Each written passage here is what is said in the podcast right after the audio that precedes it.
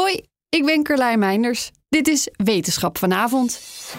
Twee dingen die we inmiddels goed weten. Bijen zijn superbelangrijk en het gaat erg slecht met bijenpopulaties. Op allerlei manieren proberen wetenschappers daar wat aan te doen.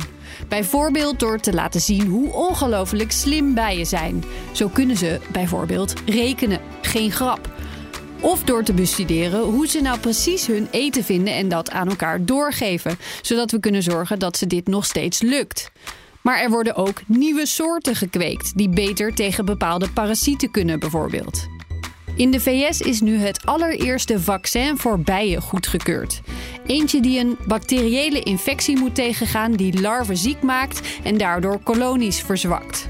Als imker begin je er weinig tegen. De ziekte, American Foulbrood Disease, is enorm besmettelijk en er is geen medicijn voor.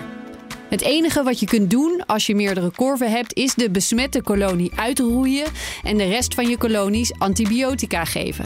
Verre van ideaal dus. Nu is er dus een vaccin dat daar verandering in moet brengen. Natuurlijk betekent dit niet dat artsen langs korven moeten gaan met spuitjes om aan die bijen te geven. Een inactieve versie van de bacterie wordt in het goedje gestopt dat de koningin van de kolonie te eten krijgt. De larven die ze daarna maakt zijn vervolgens immuun, zeggen de makers van het vaccin. Hopelijk kan het bijdragen aan gezondere kolonies. Maar zelfs dan blijft het natuurlijk één oplossing voor een diersoort die met vele problemen te maken heeft.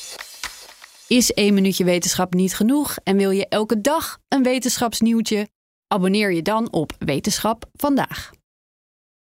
Ook Hugo Reitsma vind je in de BNR-app. Superhandig die BNR-app. Je kunt alle programma's live luisteren, breaking nieuwsmeldingen. Je blijft op de hoogte van het laatste zakelijke nieuws. En je vindt er alle BNR-podcasts, waaronder natuurlijk de belangrijkste, Boeken zijn in de wijk.